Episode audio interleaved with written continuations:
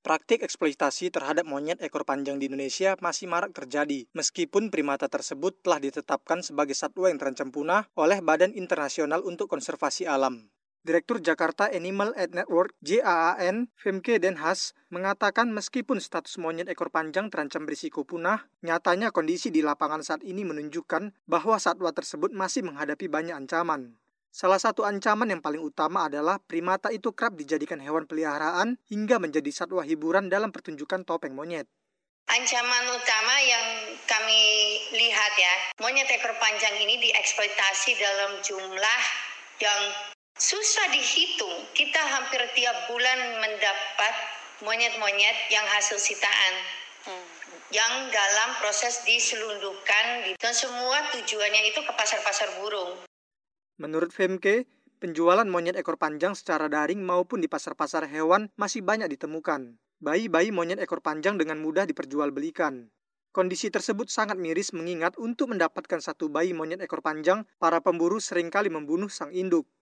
Dengan mudah sekali saat ini masyarakat bisa membelikan bayi-bayi monyet ekor panjang dan ini harus segera dihentikan karena dampaknya ke populasi di alam itu sangat luar biasa.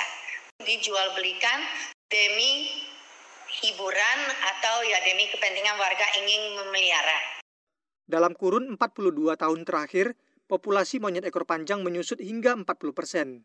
Diprediksi dalam 36 hingga 39 tahun ke depan, populasi monyet ekor panjang akan menurun sebanyak 30 persen. Akademisi Ilmu Lingkungan Reza Maulana mengatakan di negara Asia Tenggara seperti Laos, populasi monyet ekor panjang sudah mengalami penurunan hingga 90 persen. Kini yang tersisa hanya 300 hingga 500 individu. Bahkan di Bangladesh, monyet ekor panjang telah punah secara lokal. Uh, ini yang yang kemudian menjadi uh, lampu merah bagi Indonesia bagaimana kondisi di sini. Dia menegaskan monyet ekor panjang adalah satwa liar dan bukan merupakan hewan peliharaan. Pasalnya, monyet ekor panjang memiliki peran vital untuk menjaga ekosistem hutan.